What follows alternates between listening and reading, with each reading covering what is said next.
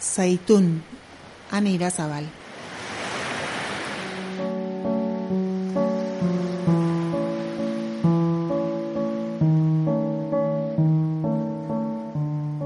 Espien gaineko filmak gustatzen bazaizkizue, historia honek Hollywoodeko pelikula bat irudituko zaizue. Baina kontuz, ez da fikzioa. Jarraian kontatuko den guztia benetan gertatu da, eta jazoerak argi uzten du errealitateak edozein gidoi gainditzen duela. Historia bienako aireportuko komun batean hasten da.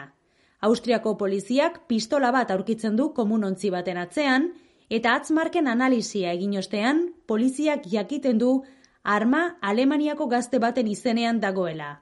Hogeta mabi urteko Franco Albrecht izeneko mutila. Ihm wird aber auch vorgeworfen, dass er Munition und Sprengsätze... Baina Albrecht ez da gazte arrunt bat, izan ere, militarroia da eta indar berezien batalioietan parte hartu izan du. Zer egiten du orduan gazte horren pistolak, bienako aireportuko komun batean eskutatuta.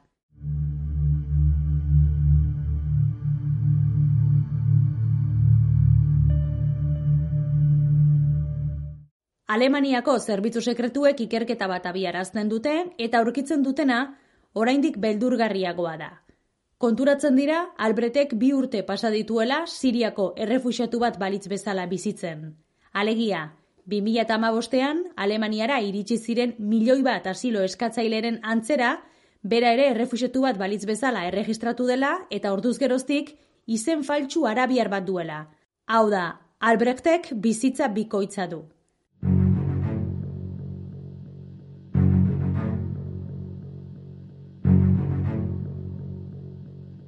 Poliziaren lehen erreakzioa nola da posible, baina laster konturatzen dira guztia ondo antolaturiko plan baten ondorioa dela.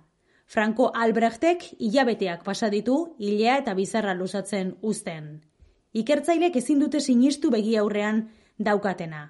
Baina historioa oraindik sinestezinagoa bihurtzen da, izan ere, Albrechten etxea miatu ostean, munizio profesionala aurkitzen dute eta jabetzen dira gaztea politikari entzutetsu askoren aurkako atentatuak antolatzen. Ari dela, estatuaren egiturak kulunkatzeko, baina ez hori bakarrik.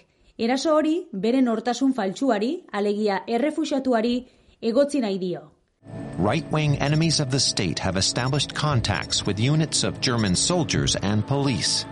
Albrechtek gainera ez du bakarrik lan egiten ikertzaileek aurkitzen dute militarroi ez osatutako mugimendu neonazi bateko kidea dela. Atentatu egunari Day X izena jarri diote. The start date is called Day X. Gaztea terrorismoagatik epaituko dute eta prozesua mediatikoa izaten ari da, baina gertara honek lotxak erakutsi dizkio Alemaniari eta era argian azaleratu du eskuin muturra herrialdearen segurtasun indarretan infiltratuta dagoela.